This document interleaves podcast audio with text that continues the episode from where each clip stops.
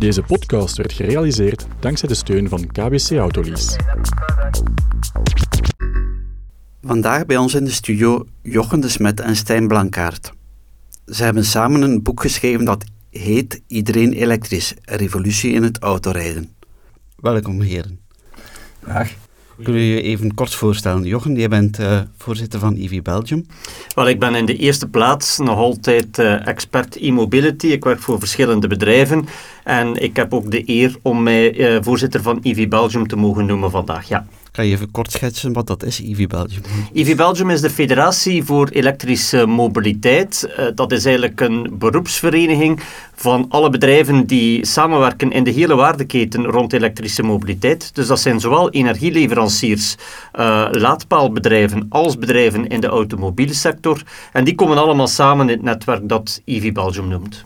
Stijn, je bent autojournalist, ja. maar in een vroeger leven fleetmanager. Ja, ja, ik ken uh, Fleet.be nog altijd natuurlijk van uh, mijn carrière bij Citroën in der tijd, maar dat is sinds uh, eind 2011 gedaan en sindsdien ben ik automotive trainer en autojournalist voor autonieuws.be. En ja, zodanig natuurlijk de goede tegenpartij om samen met Jochen het boek te schrijven. Okay. Over dat boek. Jullie hebben samen een boek geschreven. Het heet Iedereen elektrisch, revolutie in het, in het autorijden. Hoe hebben jullie elkaar gevonden?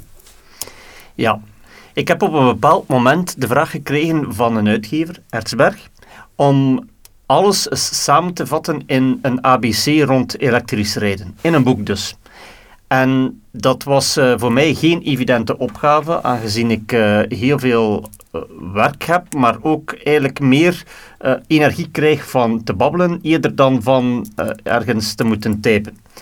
Maar er zijn heel veel goede journalisten in het land en ik had een aantal goede ervaringen met uh, Stijn Blankaert. En op dat moment hebben we met elkaar eens getelefoneerd en zaten we eigenlijk onmiddellijk op dezelfde golflengte, zowel naar inhoud als naar positionering van het boek. En dat was voor mij wel een hele belangrijke om de stap te zetten richting uh, de redactie van het boek.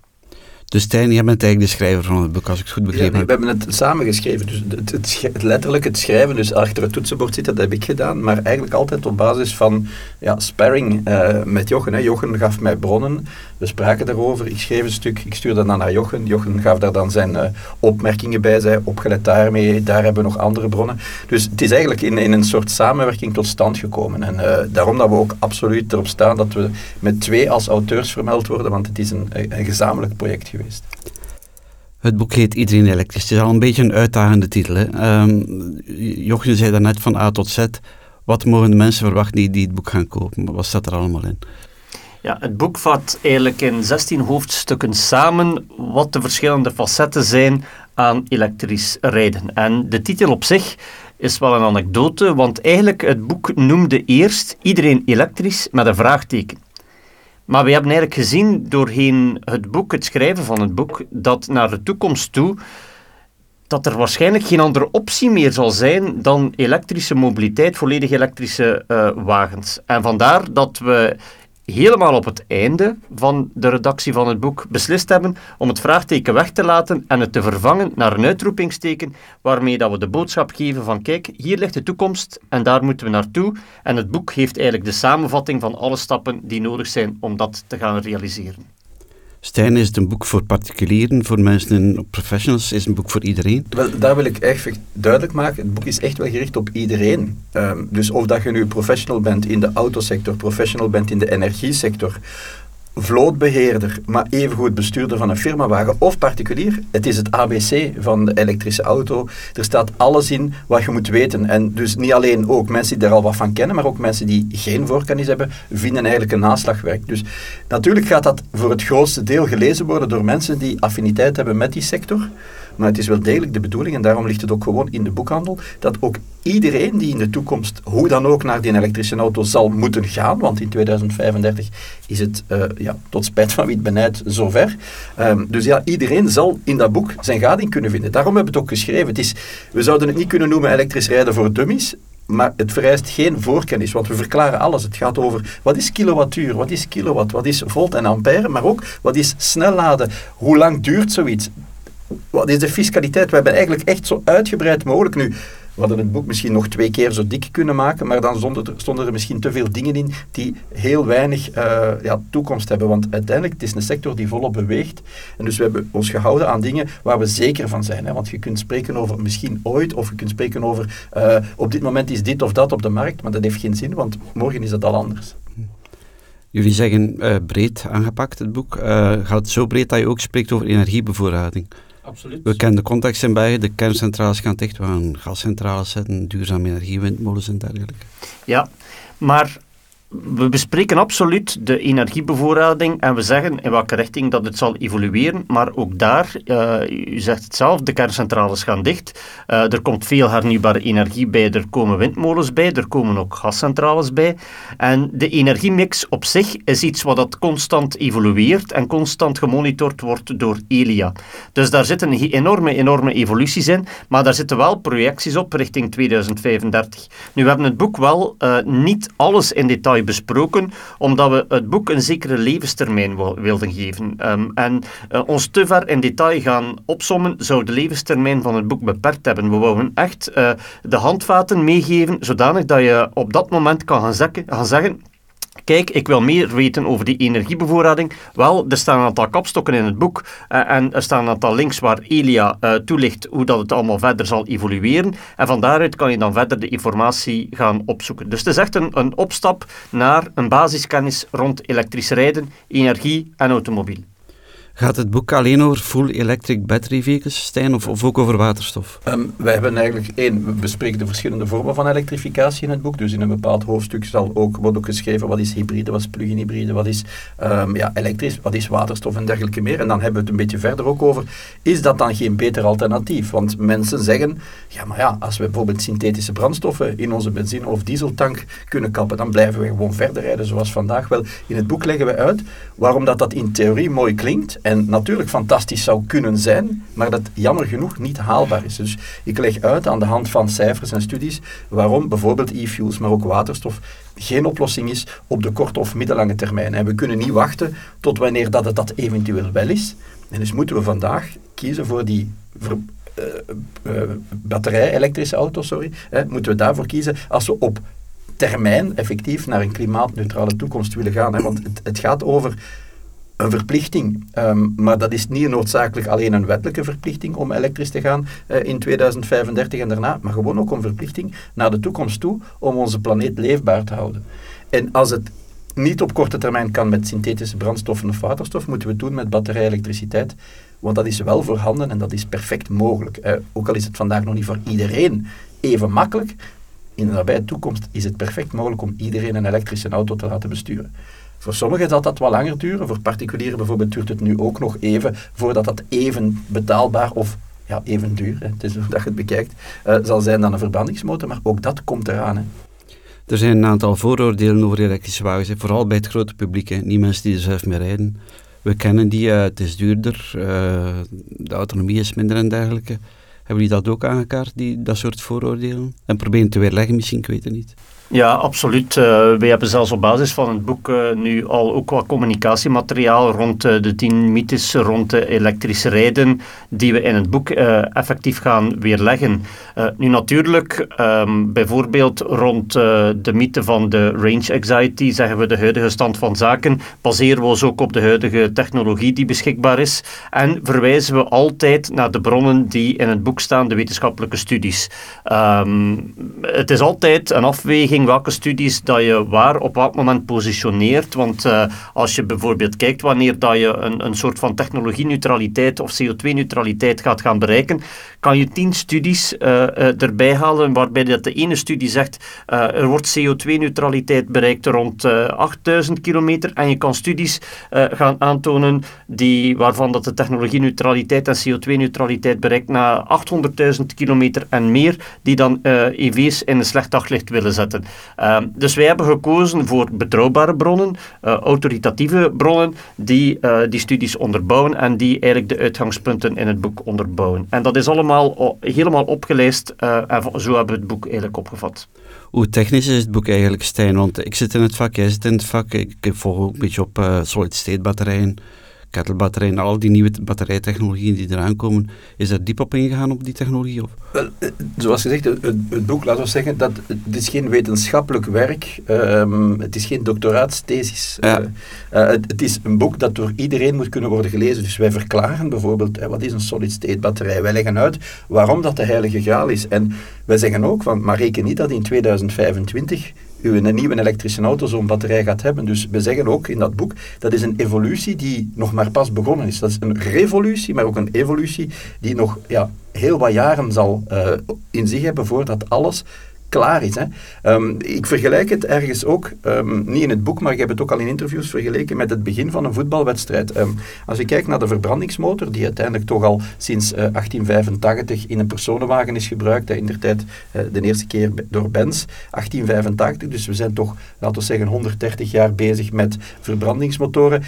Dat is eigenlijk een verlenging van een voetbalmatch dat we aan het spelen zijn. We zitten op het einde van de verbrandingsmotor en we zijn eigenlijk net de nieuwe match begonnen, de elektrische uh, match, waarbij we eigenlijk in die voetbalmatch misschien twee, drie minuten ver zijn. Dus er kan nog heel veel gebeuren en er zal nog heel veel gebeuren. En wat we vandaag kennen, ja, over tien jaar spreken we helemaal anders. En dat is ook iets waar Jochen en ik allebei vanuit gaan. Wij zijn vooruitgangsoptimisten en wij denken echt dat de situatie die er nu is, het, gaan alleen, het gaat beter worden. De batterijen gaan beter worden, um, het zal betaalbaarder worden, de laadsnelheden gaan omhoog. Um, de auto's zullen op alle mogelijke manieren snel veel beter zijn. En dat is eigenlijk een positief verhaal. Hè. We gaan afscheid nemen van iets, dat klopt, de verbrandingsmotor. En ook ik, eh, net zoals veel autojournalisten zeggen van ja, we gaan dat missen, maar we krijgen wel iets in de plaats. En daar moeten we naar kijken, hè, want ja, het verleden, dat is het verleden, nu gaan we naar de toekomst. Hmm. Het boek uh, spreekt waarschijnlijk ook over uh, laadinfrastructuur. Wat je vandaag heel veel hoort, ik woon in een appartement, ik woon in een rijhuis, dat gaat niet, CLA. Maar als je tegenover de, de gemiddelde afgelegde kilometers uh, zet van de Belg dagelijks, iets van een 50 kilometer of zo, denk ik. 43, ja. Uh, dan, dan valt dat wel mee. Moet je ook ontkrachten uh, in, in, in, het boek? Of, of, ontkrachten. In het boek hebben we de mogelijkheden opgezomd waar je overal zal kunnen laden in de toekomst. Ja. Uh, je zal kunnen laden op het werk, je zal kunnen laden thuis. Uh, voor zover, zelfs in appartementen zijn er oplossingen technisch mogelijk. Uh, en hebben we beschreven op welke manier dat het ook in appartementen kan gerealiseerd worden.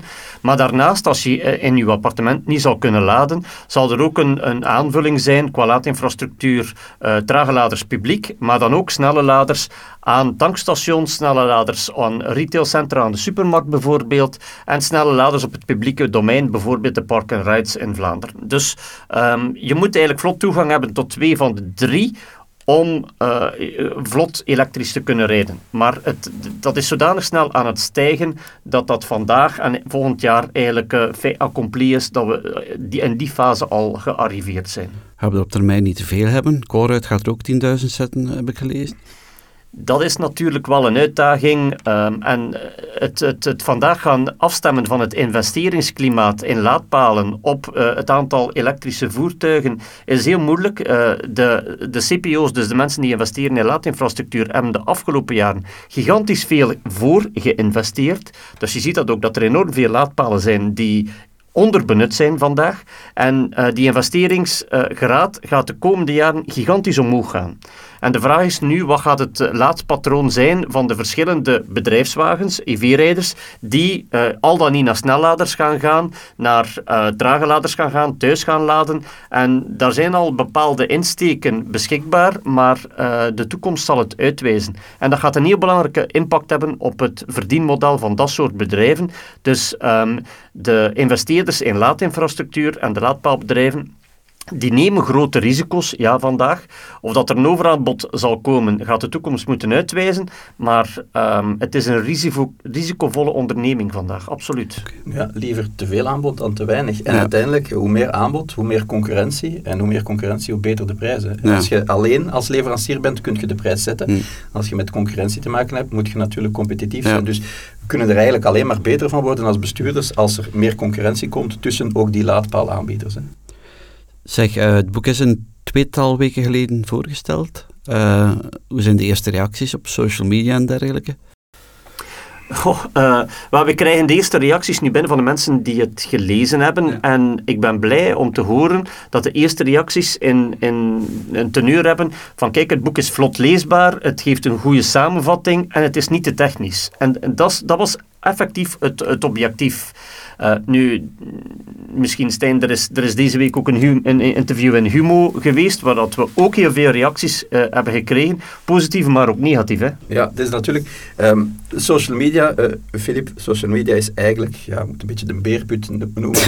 Wat dat er daar allemaal wordt gezegd, dat zijn mensen die in, in, in real life nooit zo'n zo dingen zouden zeggen, maar achter hun klavier zijn het allemaal uh, de ridders. Uh, en dan krijg je inderdaad van die reacties, en, en dat is ondertussen zo'n flauwe en afgezaagde grap als elektrisch rijden doe je op de kermis. En iedereen die nog eens denkt van die grap te moeten maken, stop ermee, want het is al duizend keer gemaakt. Maar ik, ik, begrijp dat ergens ook mensen zijn, en ook ja, die mensen die zo reageren zijn natuurlijk vaak particulieren die in een andere situatie zitten en kijken naar hun eigen portemonnee. Het is anders als je een bedrijfswagen hebt. Maar die mensen die reageren vaak ook uit één, onwetendheid, maar ook uit angst. Hè, want uiteindelijk, velen van hen zijn 40 jaar met een verbrandingsmotor aan het rijden en krijgen nu plots te horen dat dat binnenkort niet meer mogelijk zal zijn. Ja, vanzelfsprekend, dat boezemt angst in. Mensen zijn daar bang van, denken aan hun portemonnee.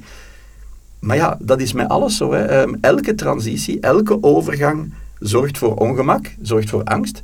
Maar uiteindelijk, als je er een beetje verder kijkt, en we gaan wat afstand nemen en we zullen over tien jaar opnieuw kijken, denk ik dat veel van die problemen gewoon uiteindelijk perfect opgelost zullen zijn. En, en, en bijvoorbeeld een tijd die ze zeggen van ja, we verliezen uren aan de laadpaal. Eén, dat is niet waar. En twee, met die nieuwe technologie die eraan komen, zal ik denk binnen tien jaar duurt het laden van een auto aan een snellader effectief maar vijf minuten en je hebt driekwart van je batterij terug. En dat is eigenlijk waar we naartoe gaan. En opnieuw, men is hier aan, eigenlijk, men is eigenlijk een baby. Hè, de elektrische auto is nog een baby. En men is eigenlijk aan het vragen dat die al even performant is als die volwassene, die verbrandingsmotor. Ja, dat is niet mogelijk. Maar dat gaat heel snel gaan en die baby zal veel sneller groeien dan dat in de tijd die verbrandingsmotor is uh, groot geworden. Hè. Daar gaat veel minder tijd over gaan, omdat we zitten nu eenmaal met die urgentie, want in 2035 is het overal zo. En dat is echt niet ver meer. Hè. We zijn eind 2023, dus we spreken over 12 jaar. Dus voor de meeste mensen is dat nog één keer, misschien twee keer een benzine of een diesel. En dan zal het, of ze dat nu willen of niet, als ze dan nog een nieuwe auto kopen, moet het een nul-emissie auto zijn. Ja, de mensen die zo negatieve kritiek geven, denk ik, zijn in de eerste plaats al zeker mensen die het boek niet gelezen hebben, die niet spreken vanuit een zekere kennis rond elektrisch rijden.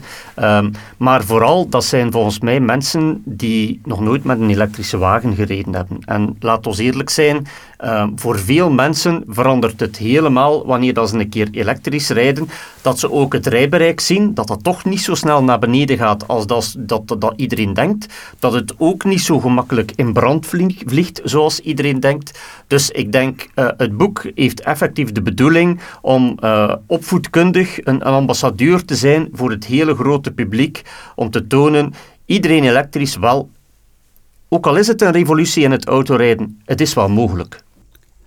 Waar kunnen mensen het boek bestellen? Uh, ja, dat kan eigenlijk overal. de bedoeling is, of hij zou normaal overal in de winkels moeten liggen, dus in de, de klassieke boekhandel, maar ook online op ertsberg.be, dat is de uitgever, dus ertsberg.be. Uh, maar dus eigenlijk is hij overal te koop. Je gaat er in principe niet te ver moeten naar zoeken, maar zal ook in standaard boekhandel. Hij staat ook online op de, op de klassieke online webwinkels.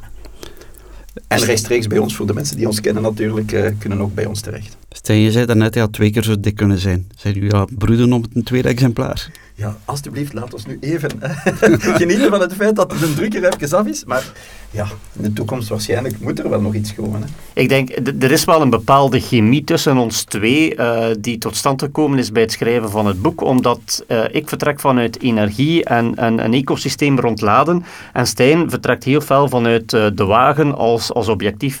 En hoe langer dat we gaan evolueren in de tijd, hoe meer dat die twee in elkaar gaan gereden worden. En um, die chemie pakt en het is misschien wel onze ambitie om, om na te denken over een, een vervolg wanneer dat de inhoud uh, klaar zou komen. Maar laten we inderdaad eerst uh, het boek rond gaan strooien en de boodschap gaan brengen. en we gaan van daaruit verder bekijken. Heren, veel succes met het boek en dank u wel om langs te komen dank in de studio. Graag gedaan.